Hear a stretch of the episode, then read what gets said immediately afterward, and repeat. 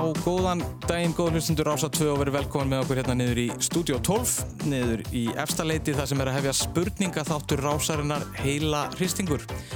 Og í dag erum við með alveg sérstaka og skemmtilega útgáfu af, af þættinum. Við ætlum að vera með svo kallar svona árs uppgjör.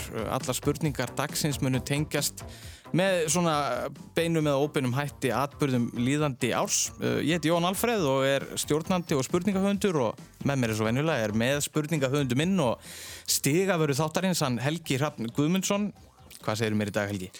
Jújú, jú, ég menna að þetta verður svona áramóta hristíkur uh, og við náttúrulega hvegjum þetta ár bara með hérna mikil gleði. Já, já, einmitt. Uh, við ætlum svona, við ætlum samt svona að reyna að fara um mjög víðan völl held ég í dag og kannski ekki hengja okkur mjög mikið í, í faraldurinn en, en það mun eflust eitthvað að koma við sögu og, og við erum með þessar tvö frábæri lið hérna með okkur í dag. Við ákveðum að leita í ranni fjölmjölafólks og, og við erum hérna með fjóra keppendur í tveimiliðum sem að koma öll af mismunandi fjölmjölum. Það er annars vegar mér á vinstri hönd hérna í Studio 12. Það er Björn Ingi Rapsson af Viljanum.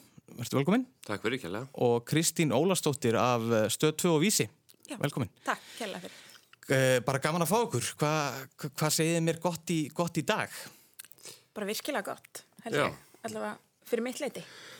Tegundi það, það er bara verður áhugavert og, og jákvætti senna hvaðið þetta ár og fara að taka mótið þessum nýja.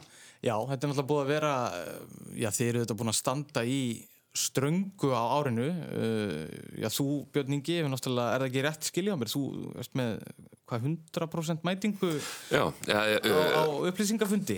Það mantaði fyrstu tvo, já. en þeir voru öðru þessi heldur en þeir sem á eftir komu, þeir voru ennþá að finna út úr þessu en eftir það þá, þá hérna, hef ég nú ekki sleppti að mæta uh, á þessa aðalfundi sem hafa verið þessa reg reglulegu fundi mm -hmm. uh, svo hef ég sleppt svona einum og einum inn á milli, ég sleppti til þessum einum fundi sem að ríkistjónin emdi til í, í þjóðmenningarhúsinu mm -hmm. búið með börnin mín til tannlæknis -hmm. og svo þegar tannlæknatíma var búinn þá logaði þessi minn minna því að fórsættur á þeirra hafið spurt hvar björningi væri þannig að ég reynda að slepp ekki mörgum fundum eftir það. Já, já, þú er sannlega með betri mætingu heldur en, heldur en já, þrý ekki sjálft Já, já, það, það, það likur alveg fyrir. Já, já og hefur auðvitað verið í bókaskrifum í tengslum við, við þetta uh, Má nú heila heita kraftaverk að þú hafa aldrei lendi í, í sótkvíðan en svo leiðis og mistaf Já, Fundum. það er eiginlega leitt. Já, 7-9-13 hérna, en það er alveg hárétt og ég hef alveg auðvitað eins og allir í þessu alltaf einhvern veginn átt vonaði að það myndi gerast en, en maður er kannski líka ekkert mikið á, á ferðinni mm. eða músið sangvönd mm -hmm. uh, Kristín, hvernig hérna Já, ég menna, svo, svo sem bara skrítin spurningan, ég menna, þú veist, að vera fjölmjöla kona á þessu ári, er þetta búið að vera kræfjandi eða er þetta búið að vera sérstætt eða lartónsíkt eða hvernig svona? Um, jú, bara alltaf ondalið, sko. Um, þetta búið að vera náttúrulega alveg hellað. Já. Og ég er, ég er ekki búin að vera rosalega lengi en hérna, mér skilst að þetta sé óveinulegt. Já, já, já, það er óveinulegt. Já. Það er einlega til að líka í. uh, en gott að fá ykkur svo hér mér á, á hægri hönd í Studio 12 uh, frá uh, kjarnanum, Bára Huldabæk. Og af Rúf, frettstóður Rúf Stígur Helgarsson.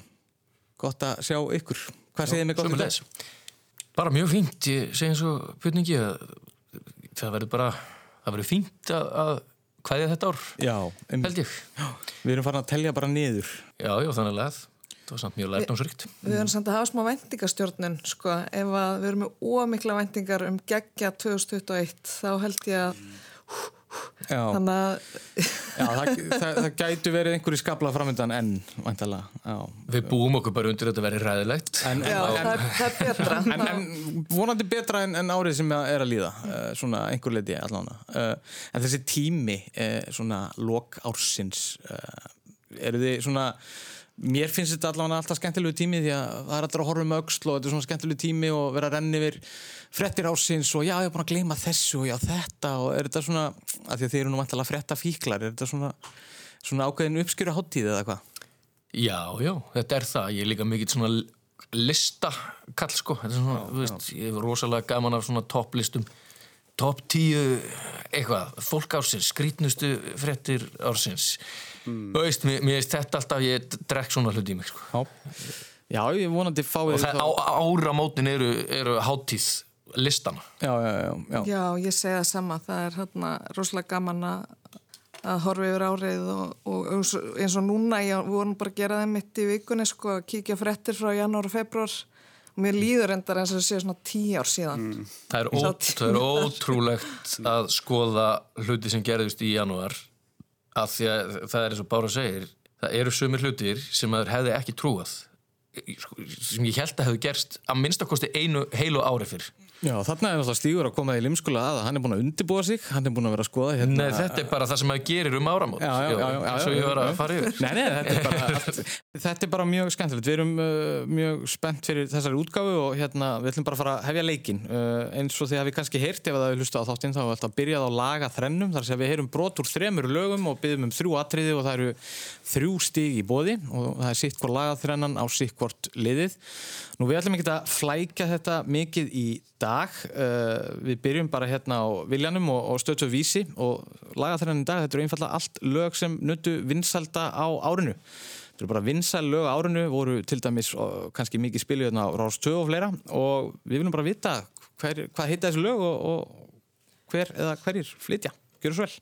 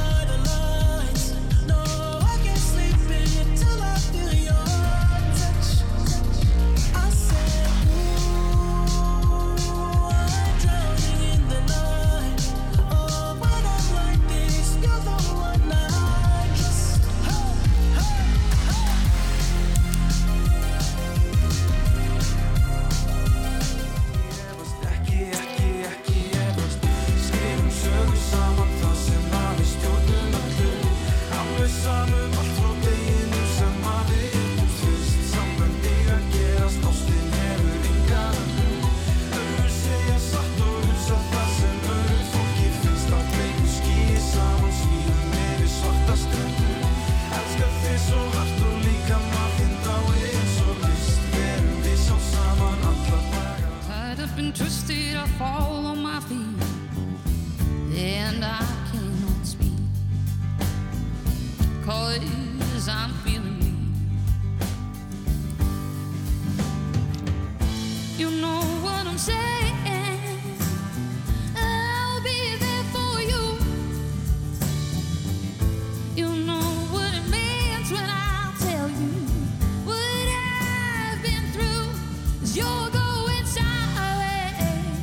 Já, hérna erum við þrjú lög af árinu um, sem að öll nötu nokkur að vinsalda og við hefum nú bara svona farið yfir þetta bara svona lið fyrir lið og eins og ég segi það er hérna eitt stið í bóði svona fyrir hvert lag og svo getur þetta nú líka verið svona mat á, á svona hvað hva týnist inn í pottin? Hvað sögðu með þetta?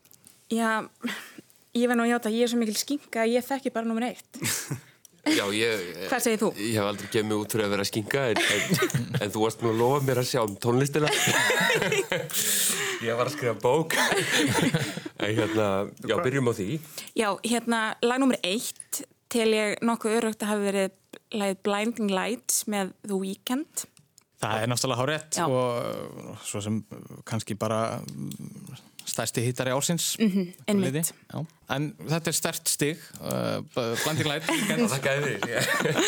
því því. Svo fórum við heim uh, fórum hinga heim voruð þið ég heyrði þetta, ég reynilega ekki alveg kláraði ég heyrði um lagin um daginn lag með Guðmundi Ragnari sem að allavega ég skjóðum að það ef að við erum ekki með, með Já, en, nei, alls ekki. Guðmundur Ragnar. Já það er ekki rétt. Þetta var Hipsum Haps. Ah, einmitt. Með lægið Blake Ski. Ekki geta bjarga lífið minni Nei, og, ok. Svo var svona já, var svona smá tenging á milli sko fyrsta lagsins og síðasta lagsins að einhverju leiti sko. Hún er vestur Íslandíkur, búsett í Toronto. Já, ok. Heyrti þetta, þetta alveg miljónsinu sko þetta, er af, ég... einmitt, þetta er eitt af þessum sem að margir ef ekki allir hafa heyrt sko en svo Já. kannski og ég er ekki alveg hérna Nei Já. Ég var að hjáta mig sigra það. Já, þetta er svona Sigrún Stella uh, Sigrún Stella Bessarsson, svona svo kannski eina nýstyrnum uh, ásins sem að hérna gátt lagi Sideways Þetta var ekki létt hjá þér uh, Já, þetta þyngdist til muna allavega eftir hérna fyrsta lagið en eitt stig, enga síður, stert stig og hérna, og við bara höldum áfram og nú er það sem sé stígur og bitna sem að fá sambarilega laga þennu, gjör svo vel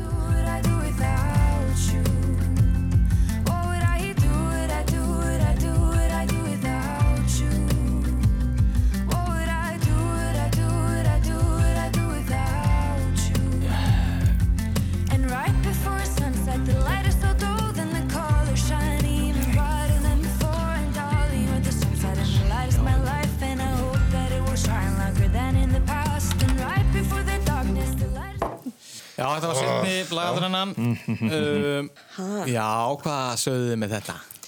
Þetta sko afhjúpar kannski einmitt svolítið hvað við erum öll búin að vera upptekinn í vinnunum Já, Sko fyrsta lagið. Því að við höfum kannski heyrt, heyrt þessi lög eitthvað Já, ég, maður hefur heyrt þetta allt það vantar ekki sko, mikil ósköp hefur maður heyrt þetta. Já, þetta, náttúrulega þetta fyrsta er svona þetta er svona global hit eins og maður segir.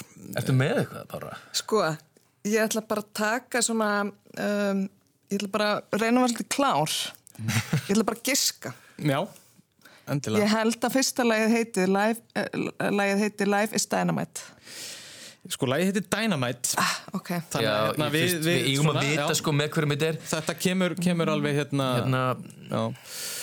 Við skulum orðaða þannig að þetta lag kemur úr sko, nýri átt sem að hefur samt verið að njóta sífælt meiri vinsælda, vinsælda. uh, nýri átt, segir Já, nýri átt sem hefur verið að njóta vinsalda Nei, þetta er nefnilega frá Asíu sko. Og þe þessu bandi hefur verið lýst sem sko bítlum 21. aldarinnar að- með réttu að röngu. Það er nú hérna Herri, ok, þetta er ekki að koma. Þetta er, þetta, þetta er, þetta er suður kóreska bóibandið BTS sem að já, bara, já, það var sleiði í gegn og, og þetta er sem sagt það var einhver sem að tala um það sem sagt, þetta er kallað K-pop. Kóresk-pop og það er orðin sko önnur eða þriðja sko mesta útflutningsvara Suður Kóru, það er bara pop tónlist. En hvað segir þið með þetta næsta? Það var nú svona, tengdist nú okkur Íslandingum með Já, já, Já, þetta var náttúrulega hérna Eurovision myndarlægið Já, Eurovision Fire Saga hérna Já, manstu hvað þetta lag heitir? Sko, mér langar svolítið að segja að það heitir bara, þú veist, með þér En Er svo spur... ekki bara My Hometown? Hérna eitthvað annað Húsavík, kannski heitir það maður hóndan En þurfum að vita hvað hún hétt Sko þá er spurningin, er það, þú veist, þetta er náttúrulega sko eignað í myndinni leikonunni Rachel McAdams. Já. en svo er þarna einhver sænsk söngkona bakvið og það ég get ómögulega munna hvað hún heitir sko. Nei, ég veit að venda allir við nú svo sem svona hafa það svolítið opið. Þetta er Rachel McAdams sem að mæmar þetta svo glæsilega í myndinni. Um, En þú veist, hvað er að segja þetta lag heiti? Þetta er, þú veist, Já, þið þið voru nú svo sem alveg á einhverjum þarna. hún sagði my hometown. Þetta lag heitir My Hometown, Húsavíkinan Svega Já, og er mæmað af Rachel McAdams en hún heitir Molly Sanden frá Svíþjóður sem syngur það, hvað ætla að sé My Marianne. Uh, Hvað segið þið með þetta síðasta? það eru búin að vera nokkrar svona frægar konur sem að, hana Erlanda sem hafa átt lög á þessu ári og ég er að gleyma einhverju. Þú veist, þetta er það var eitthvað lag sem er áttu saman Lady Gaga og Ariana Grande er þetta það eða? Nei oh. Þú ert, líka, þú, ert að, þú ert að leita líka langt, langt yfir skamt sko. þetta stendur, stendur okkur nær sko. mm. en hérna ah. Þetta fer vel að staðja okkur Þetta er svona Ég meiri saman að gleyma hvernig það hljómaði sko. Ég ætla að giska á að það heitir with audio Já, já, já, já. Ég hef ekki meirum Þessi síðustu áttu nú líka að vera svona þingst og hérna það var sem sé þetta var hún Kristín Sesselja sem er nú líka svona ung og upprunalega já já. Já, já, já, já What would I do without you heitir lagið. Sko ég er að hugsa um, erum við ekki að setja eitt stig á þau líka? Ég held að þetta sé stórmestari jættefli 1-1 Það að segja að þú með... varst með Dynamite nokkur meginn, þú varst með My Hometown og síðasta lagið heitir What would I do without you? Er ekki, ekki samt stert stig? Þið voru með sterkara stig held að við getum alveg, alveg viðkvæmt sko. staðan er svo að uh, vísir viljin leiðir með einu sterkur stíg gegn einu veiku stígi Rúf og Kjarnars Herre, við ætlum ekki að ykkur meira með þessu, við bara höldum áfram og uh, hér höfum við nú oft verið bara með svona einhverja almenna víks spurningu og þessu sinni þá ætlum við að spurja eins út í þrýeikið. Já, svona kannski það fólk sem við höfum kynst hvað mest á árinu og þetta er nú bara svona stuttar og almenna spurningar og það er sérstaklega uh, Viljin Vísir sem að fær þessa spurningu. Það eru tvö stíði bóði en ef að rétt svar kemur ekki þá getur anstæðingurinn stólið einu stíði. Nú, Víðir Reynisson, yfir lauruglu þjóðn Almannavarnasviðs Ríkis lauruglustjóra er fættur í Vestmanniðum árið 1967. Víðir ber hins var annað fornafn sem minna ber á. En hvert er það? Er það ekki Guðmundur? Ég held að það sé Guðmundur. Já. Þarna eru bara tvö. Yes.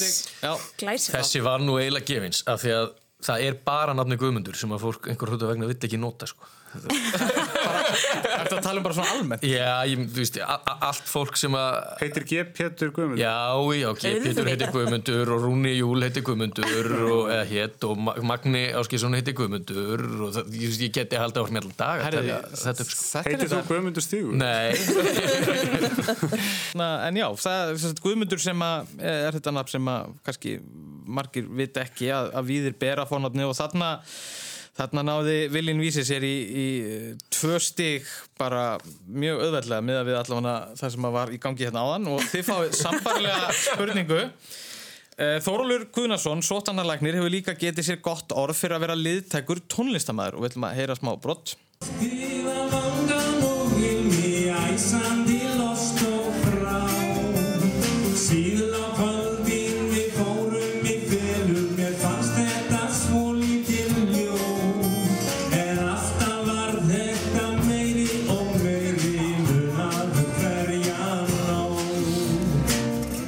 Já, hérna heyrðu við Þóról syngja meðal annars með hljómsveitinni Föruneitinu í upptöku frá árunni 2012 en uh, ásamt því að syngja þá er Þórólu mjög liðtækur á ákveði hljóðfæri. Og hvert er það?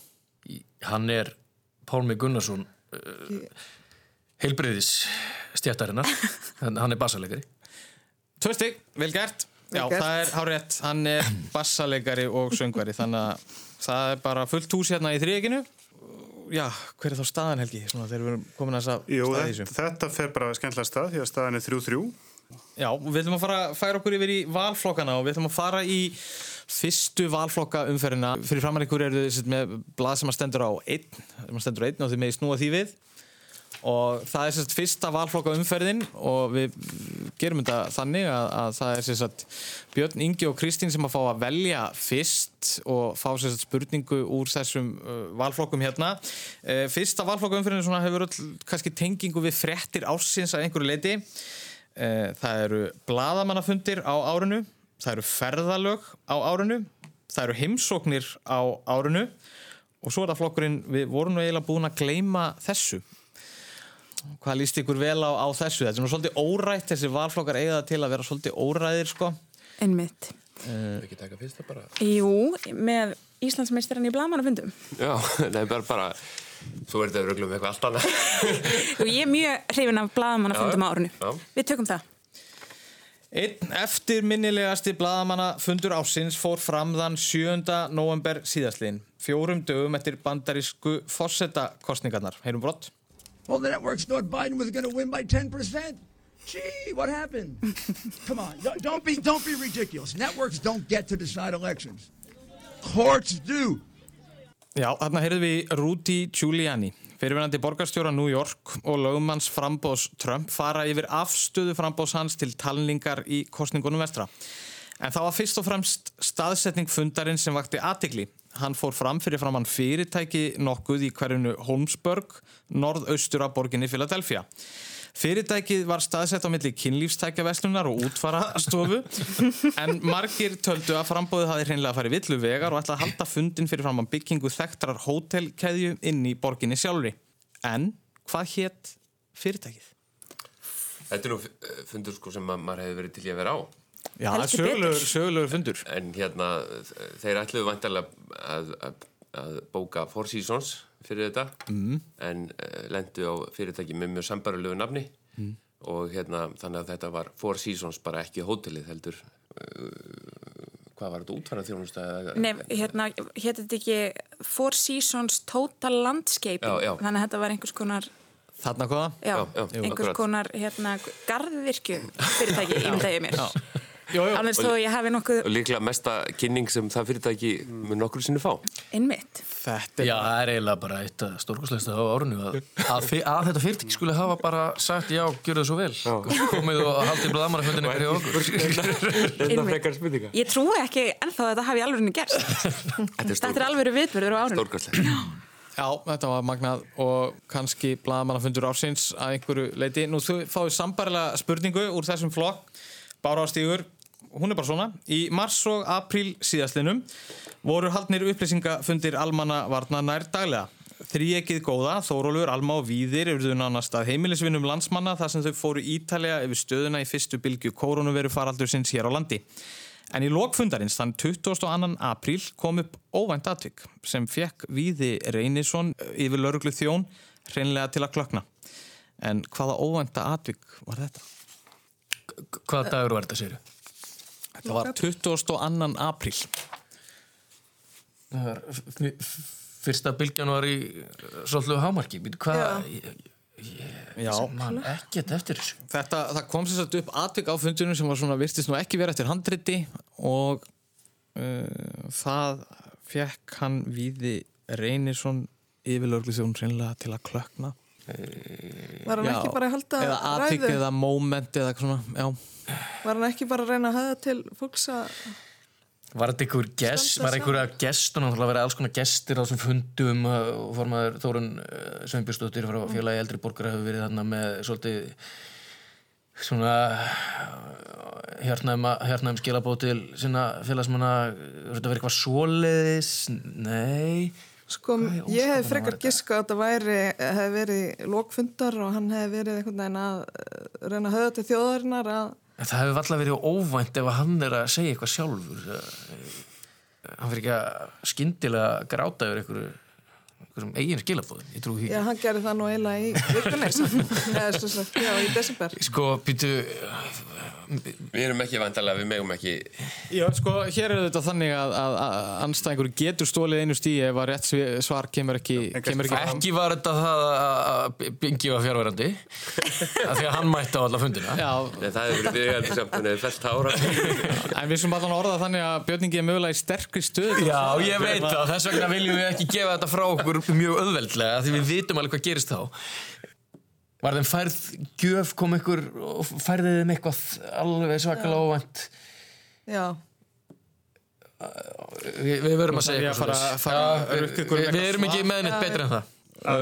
Bara einhver þarna á fundunum hafi fært þeim einhvern glaðning Já, ég, þetta er ekki rétt uh, hvað segir Viljinn Vísir? Má ég aðtöða hvort ég veit það? Já Ég ætla að bera undir, undir þegar mína tilög mm. Var þetta að hann átti afmæli og fekk köku?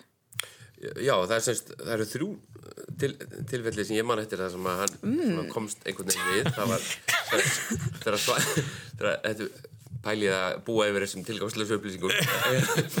Að hérna, Svandi Svavarstóttir heilbyrðisáþur að færiði þeim blóm og þá voru þau klökk af því tilöfni uh, síðan hérna uh, þegar hann varð afi uh, þá var líka gert aðeins úr því. En ég held alveg að þetta sé horrið hjá Kristínu að, að þarna hafa nátt afmæli og, og hérna fekk óvænta eh, köku að gjöf og frá gesti sem var aðna og uh, komst við að því tilvægni. Við skulum bara heyra brott. Við ætlum að þakka fyrir okkur. Vonandi má bjóða að taka á mótið þessu og, og að þú getur notið í góðra vinna. Takk kjærlega fyrir. Eins og maður hafa hana hérna bara. maður fannir bara tár í augun sko.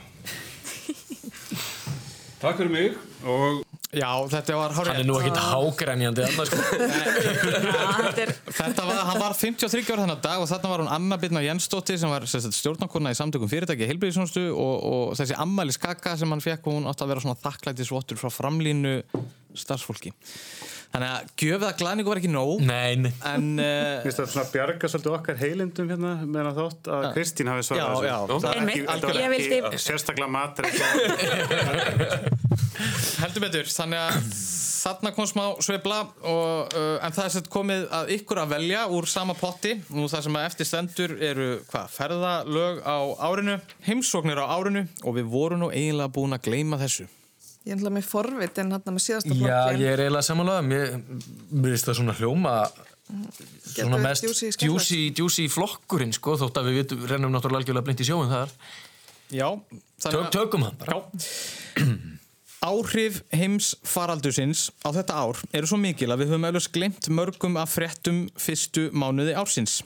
En í februar fekk hústýragarðurinn í Reykjavík sérstakt leiði til að flytja ný dýr til að sína í garðinum. En hvað dýr voru þetta? Fengur sérstakt leiði frá umhverfistofnun? Þetta er eitthvað skorpjur. Já, ég held að þetta hafi verið einhver skor... Sportrekar eða, Mm, eða slöngur eða einhver, einhver skriðdýr sem er ekki leifð. sk þetta eru skriðdýr eða skordýr. Já, já, nú er þetta allt í hennu farað við eftir. Sko, fyrsta sem ég hugsaði voru maurar. Já. En ég veit ekki af hverju. Eða... Hversu nákvæmt þarf þetta svarið að vera?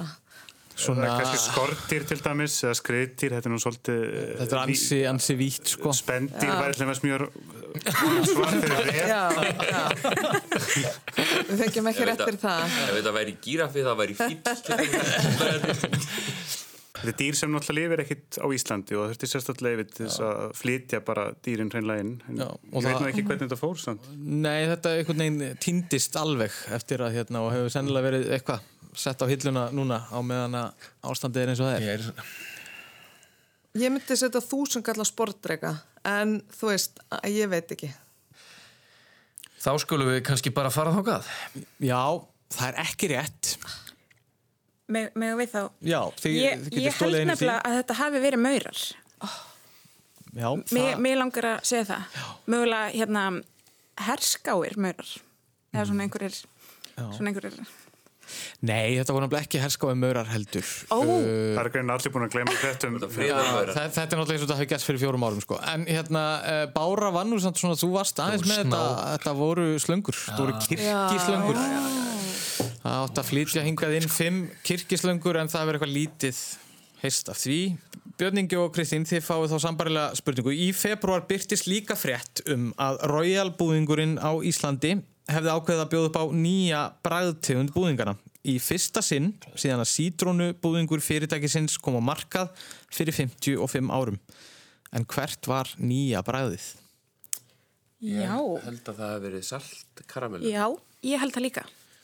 Og ég að bjóð svo leiðist til, ef ég mann rétt. En það er eins og þið segið, það virkar eins og það sé ótrúlega langt síðan. En, en mér finnst að það hefði verið Já. svona salt karamellu. Það, það er líka bara hárétt. Þetta var saltkaramella sem var fyrsta bræðtegundin sem að Royal ákvaða að bjóða upp á í 55 ár. Þannig að það eru tvö stig, vel gert. Kannski fá stöðuna núna. Já, aftur, það er smá að sveifla. Við séum, uh, við séum í brekku. Já, vísir, Já. Og, vísir og viljin eru með áttastig en uh, Rúf og Kjarnin með þrjú. Það eru vantanlega alveg feikilega mörg stík. Það er sko gríðarlega mörg stig í bóttinum. En þá förum við í setni, valflokka umferð nummið tvö og á blaðinu fyrir framann ykkur eru þau líka með blað sem stendur á tveir og við skulum snúa því við.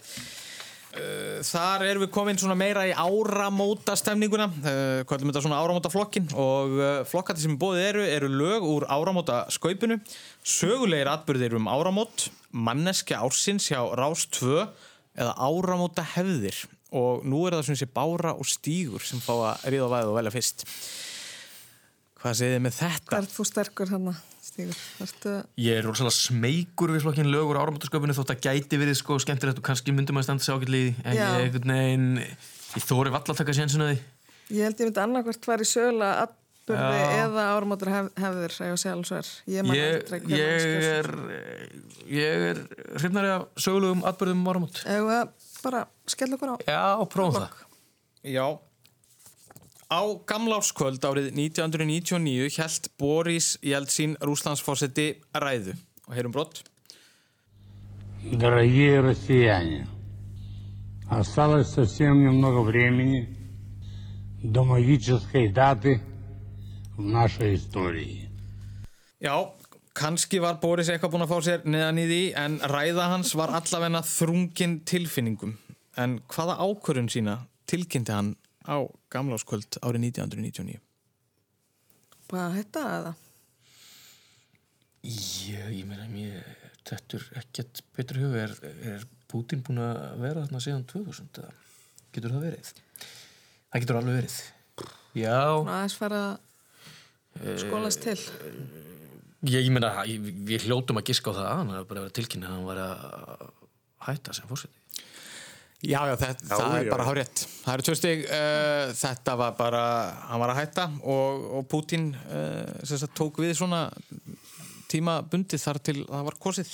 Þetta gerast á kannarskvöld 1999. Þannig að það eru tvö stig, vel gert og við höldum áfram. Það er sambarileg spurning á ykkur, uh, Viljan og Vísi.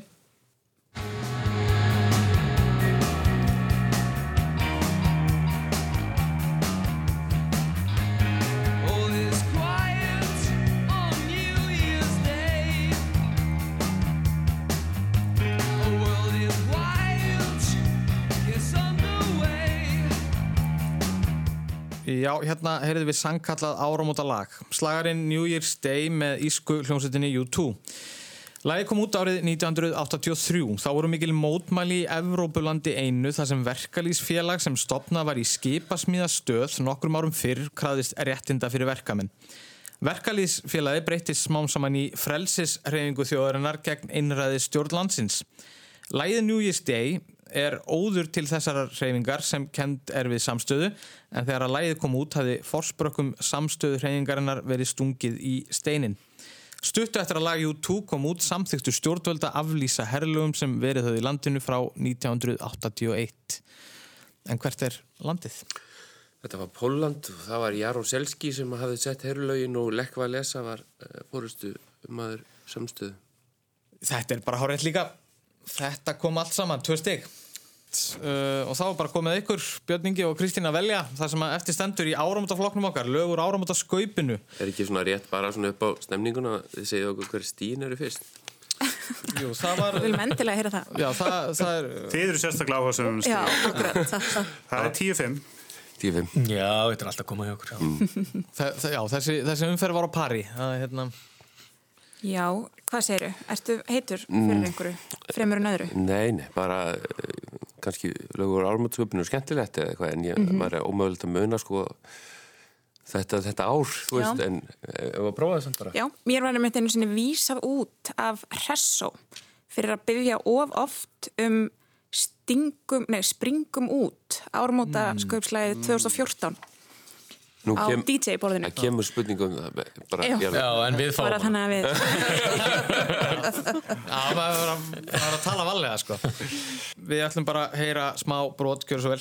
Því veðurstofu stjóri sem spáir ekki vel Leifum honum bara lefja döðan og skel Ég enga væði drastlið og hluti honum sel Hann er Dabi kongur Ég er vinur hans Og saman við ráðum Við ráðum öll hér Já, þetta var eitt uh, af eftirminnilegum lögum úr áramöndsköpunu. Þarna var Örn Árnason að leika Davíð Oddsson, fósetsráþara og fær þarna lag P. Diddy's Bad Boy for Life lánað. Óskar Jónasson leikstýri sköpunu þetta árið. En hvaða ár var þetta? Einmitt, og við myndum tala um að það er erfitt að muna árin. Ó, Já, um, þetta er... Hvað er sennilegt? 2000 og, og hérna, eitt eða tvö. Uh, Já, innmitt, eitthvað svoleiðis. uh, hérna, 2001. Það er 20 stig, 2001. Yes. Það er hárétt, það var 2001. Það er glæsilegt. Nú, Bára og Stígur, það er bara sambarileg spurning fyrir ykkur. Ég er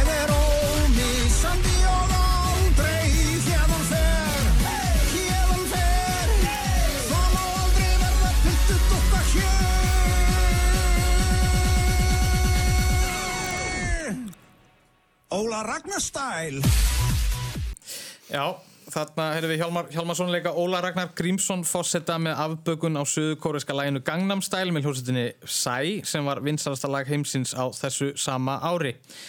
Leikstjóri skaupsins var Gunnar Björn Guðmundsson en hvaða ár var þetta? Hvenar kom þetta lag út? 2010? 8? 11?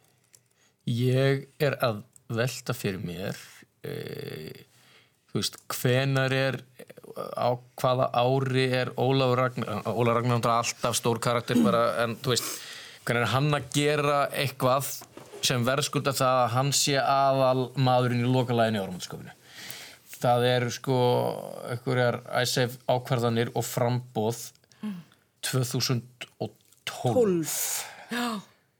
Mér finnst það kannski daldið svona gott ég held að ég, ég held að þetta maður giska á það sko Já, ég, það er svona tilfinning sem ég hef líka, 2012. Já.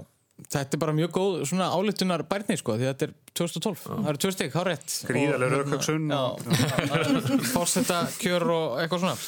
Þetta var þetta lengi sko, gangnamstælum, það lengi langmest eh, spilaða lagið á YouTube en eh, ég sé það hérna. Önnur söður kóresk afurð. Já, K-pop og hérna, en það er dottinni í áttunasæti, Baby Shark er þetta lungu búin að stinga það af. sko. Magnaða samt að þessi komin átt ár síðan að Gangnam Style. Já, Já, reynda pínuti óþægilegt Þá ætlum við nú að fara að henda okkur í uh, auglýsingar en áður en við gerum það þá ætlum við að bera smá heilabrót upp á liðin sem að þið með hugsa hérna á meðan að við erum í auglýsingum og uh, heilabrótið þessu sinni er það, þannig að við erum bara að byggja um nafn og við viljum bara vita hvaða nafn tengir saman íslenskan rappara Íþróttafélag á Austurlandi sem stopna var árið 1913 og dýr í norrætni goðafræði. Þannig að hvaða nafn tengir saman íslenska rappara Íþróttafélag á Austurlandi sem stopna var árið 1913 og dýr í norrætni goðafræði. Og við heyrumst aftur eftir stuttastund.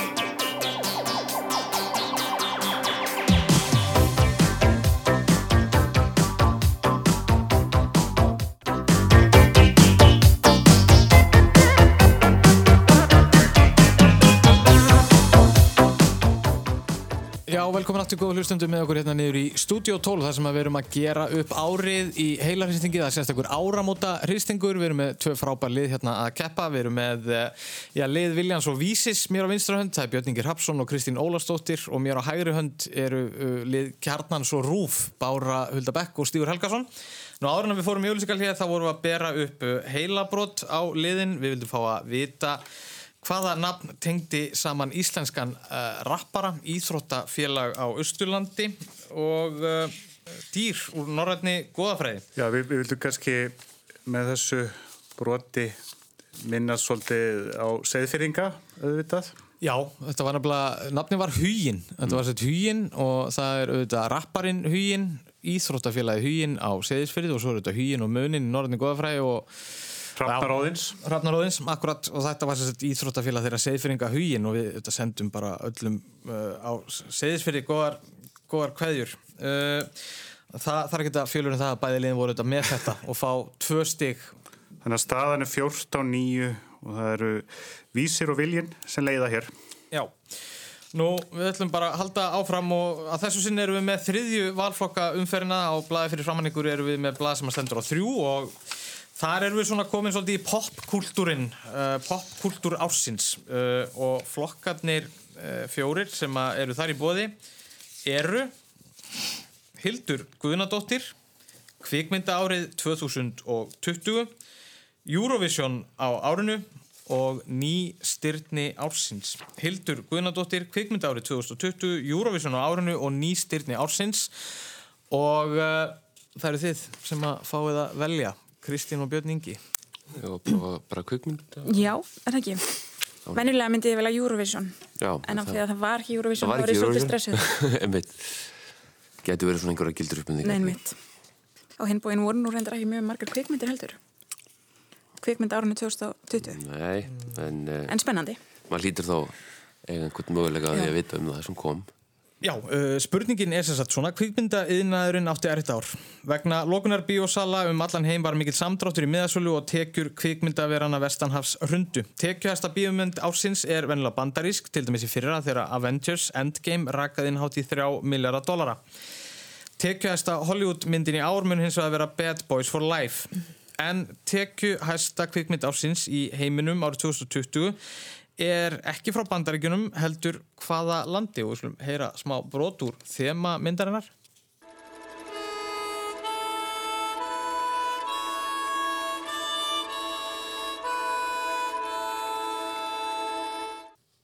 Frá hvaða landi? Já, frá hvaða landi er þessi kvikmynd sem er svo tekjast á árinu 2020? Uh, ég var að segja landi sem að uh, bauð okkur upp á veruna. Hvort það hefur verið í Kína eða ertu með Já, eitthvað? jú, Kína Eða já. eða, eða Japan en, en ég veist einhvern veginn að að já Kína Jú, jú, þetta er kvikmyndin 800 frá Kína. Svo eru þeir svo margir sko þannig að ef að mynd slæri í gegn sko þar Já, þá já. slæri hún í gegn heiminn Þetta voru ykkur 500 miljón dólarar eins og... Já, þetta er stórmynd sem að fjallar um orustuna um Shanghai árið 1937. En já, og það er þá sambarileg spurning til ykkar, Bára og Stígur. Árið 2020 hefur reynd á þólurvinn eins og við þekkjum öll. Stórleikarin Tom Cruise fekk þannig æðiskost á dögunum þegar að meðlemið í kvikmyndatökulíði hans brutu sótanareglur. I'm on the phone with every studio at night. Insurance companies.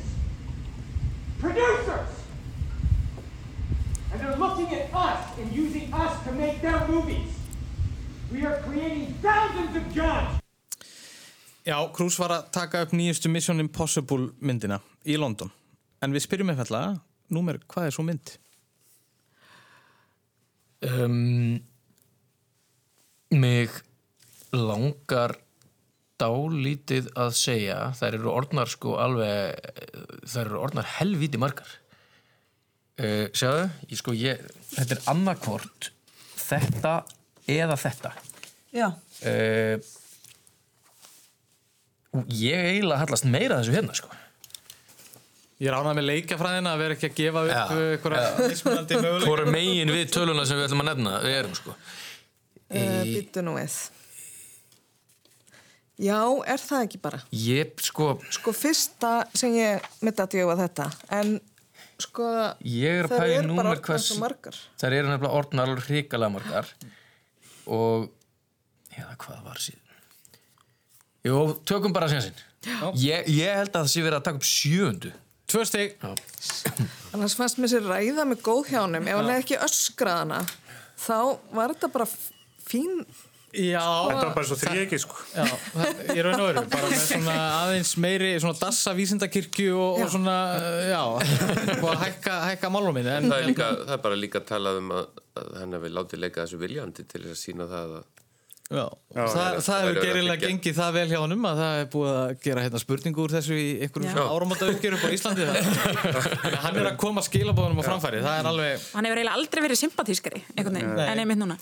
Passiði tvo metrana En þetta var virkilega vel gert hjá, hjá Báru og Stíð, það eru tvö stík þarna og þá er komið að ykkur að velja úr sérst, þessum svona popkultus flokki okkar. Það sem eftir stendur er uh, Hildur Guðnadóttir Eurovision í ár og Eurovision í ár og nýstyrni ásins Hvað hva er Ég er alls ekki Nei, ég, er, ég þóri því eiginlega ekki heldur sko, við skulum bara, Já. ég ætla að strika yfir það hérna á blæðinu sem ég verður á mig um, Eurovision, Ertu sterk í Eurovision? Ég held að ég sé ekkert mjög sterkur ég, Ég ætla að elska daða en þú veist ég ég, ég er ekki viss um meir. að það dugi sko. ég Nei. gæti alveg trú að það væri að fara að spyrja um eitthvað, útlenskt dæmi ég var ekki að fylgjast mikið með þessu. Nei, nei, nei, herðu, ekki taka bara Hildi, Prófum bara Hildi, hún aðskilið. Hildi okkar. Já, manni finnst vera eins og ár og dagur síðan að hún vann Óskarsvölunin í februar en uh, hér kemur spurning. Hildur Guðnadóttir vann Óskarsvölun fyrir bestu kvikmyndatónlist fyrir kvikmyndana Jókerinn aðfaran á 10. februar síðastliðin að íslenskum tíma. To the girls, to the women, to the mothers, to the daughters who hear the music bubbling within, please speak up. We need to hear your voices. Þetta skapaði nokkuð sem við gætum kallað Hildar áhrifin. En hvað gerðu hátt í 3000 Íslendingar daginn eftir þann 10. februar sem Lísa mætti sem Hildar áhrifunum? Hátt í hversu margir?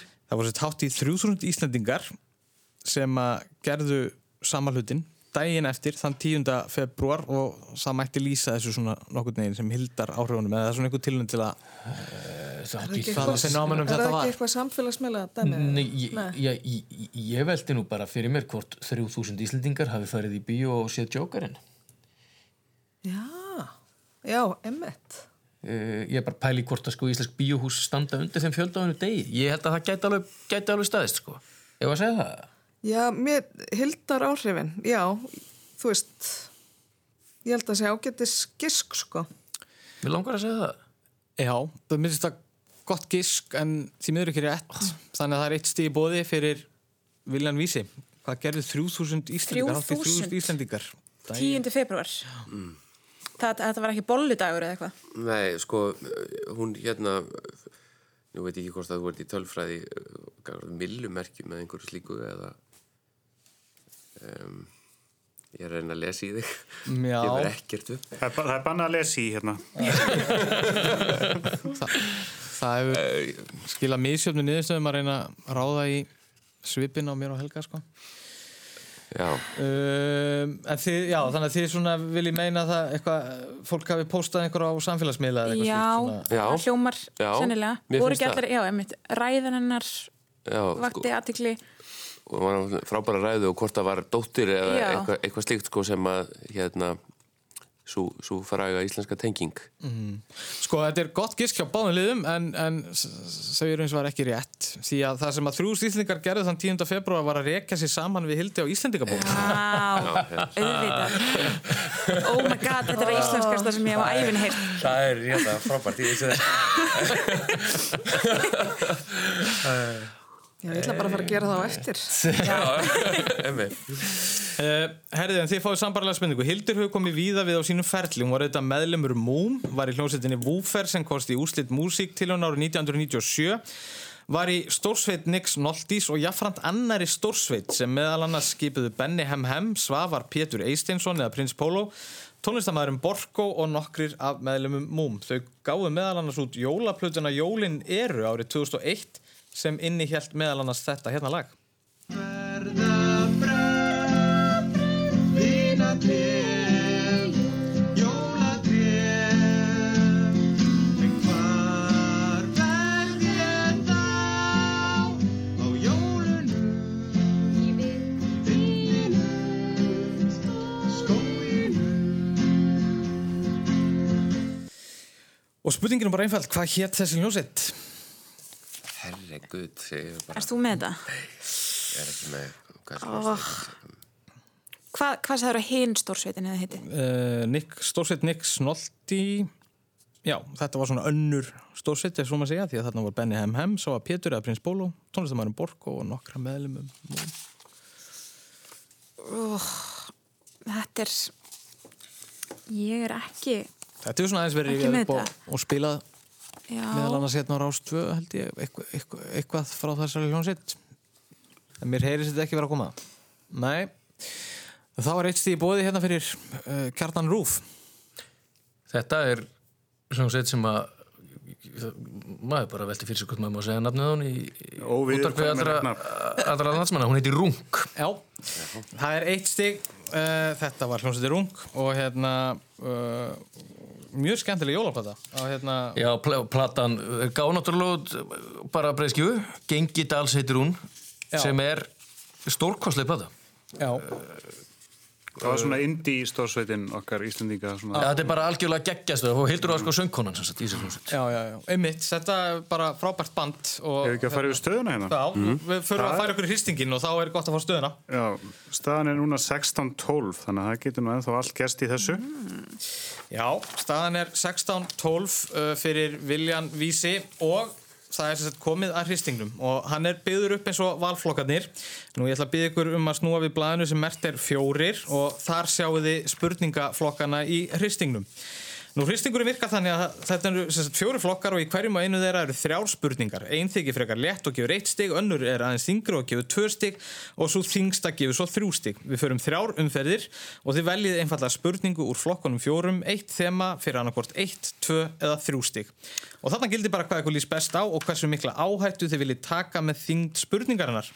Og þarna getur auðvitað verið smá leikjafræði líka eftir því hvernig staðan er í keppninni. Nú, og flokkandir í hristingnum eru Íþrótta árið 2020, Sjómas árið 2020, Erlend stjórnmál á árinu 2020 og Fólk ársins hjá Time. Já, kannski að meðan keppendur velja sér hérna flokk þá ættu við kannski að geta þess að það varð uh, urðu og örleitil mistök í síðasta þætti Já, herðu, sló aðeins út fyrir spurningahöfundi hérna í síðasta þætti því að við vorum að uh, spurja um jólalægið fyrir jól og uh, fengum ábendingu frá nokkrum hlustendum um það að þarna sett sögðu við að fyrir jól hafi verið flutt af uh, Björgvin Haldóssoni og Rud Reginalds og það er náttúrulega bara alls ekki rétt. Þetta var Björgvin Haldósson og Svala Björgvinsdóttir, dóttir hans sem að hérna, fluttu þetta. Og þarna bara sló alveg út fyrir spurningahöfundi. Ég var náttúrulega að hugsa um lægið Bó og Rud Reginald sem að er e, þú komst með jólinn til mín verið til með og komið en, en hérna förum, sko, við við hefum leift sko liðinu sem er undir að byrja. Já, sko. og það eins og ég segist, það er 16-12 þannig að þið kynnuð að þurfa að taka svona einhverja smá áhættur í þessu. Já, já, ég er bara íþróttir neittak afsakið. Ef að þér sama að við reynum að finn, finna eitthvað í hinnum flokkunum Já, við, við, við getum reynd það. Ég, ég hef skulum eiga það í bakhundinu vegna þess að ég, ég gæti, ég hef alveg no, nokkra trú á sjálfur mér í Já, þeim flokki já, sko, ef eitthvað gengur ítla í fyrsta. Já, algjörlega. En hva- hvað líst þér best á? Ertu búin að vera að horfa mikið á sjónvarp? Ég held ég sé svolítið eftir á þar sko. Já, ég er náttúrulega maður er bara búin að vera að vinna að vera heima allt árið þannig að ég er nú alveg eitthvað búin að peka upp sko Eða að, prófa það og byrja á tveimur Já, til þess að svona sjá hvernig Já, bara landið svona, já, liggur sjá hvernig landi liggur og þau, svo gætu þau klúrað og þá er þetta náttúrulega Já. allt komið í, Já, já. í betri stað sko. um, Svo get, þurfum við bara að taka áttunum eftir Já, já, já. við bara Þannig að þið takkið sjónvarp 2020 fyrir tvö steg og spurningin er einföld í hvaða heimilda þáttaröðu sem útkoma á árinu heyrðist þetta stef hér í upphafi þáttana.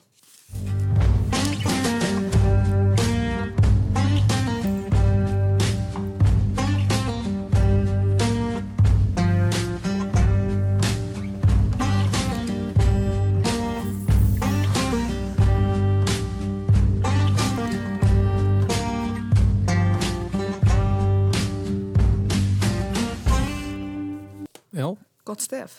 Mm. Heimildametta þetta. Heimilda þáttaröð. Ég sko, ég velti f- reyndar einu fyrir mér. Ég er með gisk sko. Mhm. uh, Þetta er ég viðurkenni að ég sá þetta ekki sko en þetta, það var gerður góður rómur að íslenskri þáttaröð. Mhm. eh, sem að þetta stef myndi passa vel í. Ok, hvað? sem heitir Flóridafangin e, ég er svona ef að ég ætti að eh, semja stef í þann, Já. þá þætti þá er það einhvern veginn svona Já, þetta er aftur gott gisk en því miður ekki rétt. Þetta var uh, Tiger King. Það voru þetta með Tiger King. Ah. Herði, þá fyrir yfir á uh, vísi Viljan. Hvað líst ykkur á, á þessu? Og svo er spurning hversu miklu áhættu þið viljið taka. Þið eru þetta fjórum stíðum yfir. Eða að, að prófa elend stjórnmál Já, já, látum á það reyna. þrjú steg bara. Þristurinn. Ég er ánæður með það. Það er þingsta spurningin úr erlendum stjórnmálum á árunnu 2020 og spurningin er hvaða ríkjum í bandaríkunum sneri Joe Biden þegar hann fór með sigur af hólmi í fórseta kostningunum í november. Það er að segja hvaða ríki vannan sem Trump hafi unnið fjórum árum áður. Og hér er spurt um fimm ríki. Fimm ríki þakka þér fyrir. Ok. Þetta er þingsta spurningin. Já, Um, það er Georgia, Já, það er hérna Michigan, Michigan, það er, Wisconsin. Eða? veitu, er þess að ég er með korti fyrir fram í það er svolítið, hérna, já uh, hérna bara swing states hérna Nevada. Nevada. hann tók Pennsylvania, var það ekki? Jú, jú, jú, og, og Nevada, ekki bara segja þessi jú. Erum við komið fimm? Uh, getum við fengið þetta bara Ok. svona, já. Það er Georgia, já. Michigan, Wisconsin, Nevada og Pennsylvania. Þetta er grátlega nálægt. Ah. Þið eru með fjögur af fimm rétt. Það var ekki Nevada, uh, þar að segja, Nevada, Clinton vann Nevada fyrir fjórum árum, Mm. en uh, Arizona snýrist eins og það við. Já. Uh, þannig að mjög nálægt þessu, en þá fyrir við aftur yfir, það er önnur umferð. Hvað segir þið? Ég er svona fann að átta mig á því að, að eh, fyrst það er ekkert í búið hér að stela stigum þá erum við náttúrulega eh, eigum við, Beint í þrjú. eigum við aldrei erfitt með að koma tilbaka úr þessu sko. Beint í þrjú steg. Annarkvort þá íþróttir eða fólk ársins, eða ekki? Á ég að reyna íþróttir þrjú stig eða til þess að laga stöðun ég, ég ímynda mér að fólk ársins á Times er ógeðslega erfið spurning Já, það er bara eitthvað hver var í þriðasetti sko. Já. að, að, þú veist, ég, ég veit það ekki ég man ekki Það var sinni hver var 1973. Já, hún meinar, þetta geti jafnvel verið ekki sinni á þessu ári, sko. Þetta geti verið bara eitthvað, hver var manneski ásins á tæma árið 1920 eitthvað. Já, ég gefið ykkur sko að, að fólk á sig sjá tæmi horfir ekki bara á þetta. Já, einmitt, Svona sko. áramóta, áramóta bara flokkur, sko. Já, herru, tökum bara íþróttir. Prófum Og íþróttir 2020, þrjú stík. Já, heyriði. Þryggjastæða spurning í Íþróttum 2020, tímabilið 2019 til 20 í ennsku knæspilni verður lengi í minnum haft. Liverpool vann sinn fyrsta meistaratitil í 30 ár og hætta þurfti leikjum þrjá mánuði vegna koronavirunar. En spurningin er einföld. Hvað þrjú félög fjalli úr deildinni sem kláraði slóksins í júli? Jésús. Já. Og við setjum svona smá, smá tíma á þetta. sko. Þetta, þetta er alveg hryllilega erfið spurning, sko. Um, ég man bara rosalega lítið af þessu, sko. Þetta er, rennur alltaf í, allt í einn graut. Ég man ekki einu svona hvaða lið voru uppi núna síðast og hver... Sko. Watford... Er þetta farið það? Um, Þetta er reyndar ekki farið, nei. um, segjum sko, þetta er Watford, þetta er Bournemouth og þetta er Watford, Bournemouth held að þetta hafi ekki verið höttursvild hvað mm, þeir voru niðri uh, var Norwich upp í fyrra Watford, Bournemouth, Norwich Rétt í alvörunni? Já Ha? Wow Nei. Ha, býð, hvað var að gerast? Já, Watford, Bournemouth og Norwich eru, eru liðin þrjú, sko. Nei. Guð minn góður. Þetta, kom, þetta Norvits kom eitthvað svona það svona hóstaðist einhvern veginn upp úr þér bara hérna undir lokin. Já, mér veist það samt að vera nógu skýrt þannig að þetta væri Já. Þetta setur nú líka upp skemmtilega að loka umfyrirna staðan er 16-15 fyrir vísi Viljanum. Þið eruð í svona skemmtilegri stöðu. Þið leiðið með einu stíi Ég var að taka tvö stíg í sjónvarsþáttum eða? Nei, þau eru búin að því eða ekki. Já, já. þau Já. tóku tvö stíin sko Taka eitt stíg í sjónvarsþáttum? Já, tökum eitt stig í sjónastáttum. Já, eitt stig í sjónvarsþáttum og spurningin er einföld hvaða gaman þáttaröð sem frumsýtt var á stöð 2 í lok september skartaði meðal annars þeim Jónignar, Önnusögu Knútsdóttur, Dóra DNA, Uðinu Blöndal og Steinda Junior í aðalutur. Er það ekki hérna, hvað er það, Júrógarðurinn?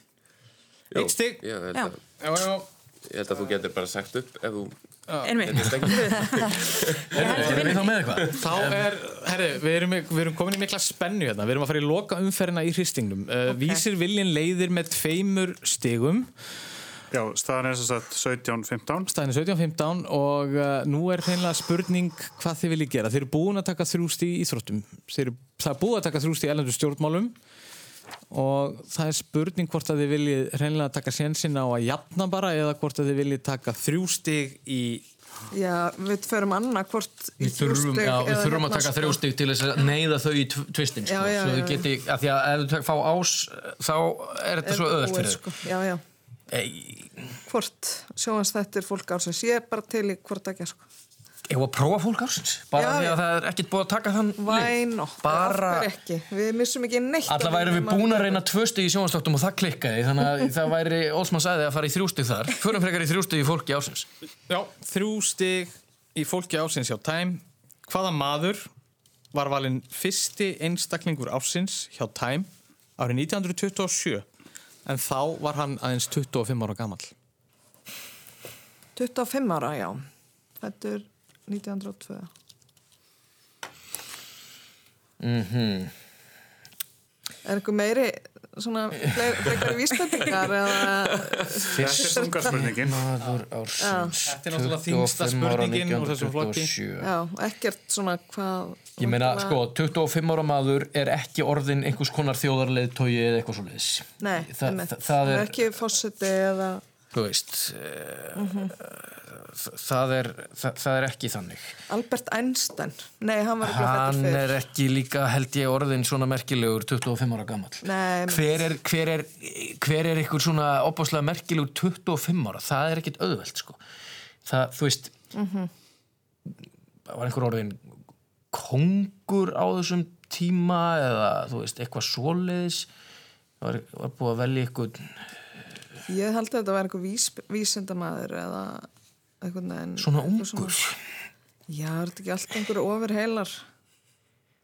Um, sko, Einstein var fættur fyrr. Já. Uh, held ég uh, Eða leikari eða... Það er ég svona aðeins að fara að reyka á eftir ykkur, sko.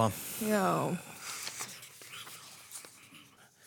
Hún sagði einstaklingur sko. Þetta Mhm. gæti náttúrulega verið kona en þær hafa verið held ég frekar fáar í gegnum þarna söguna.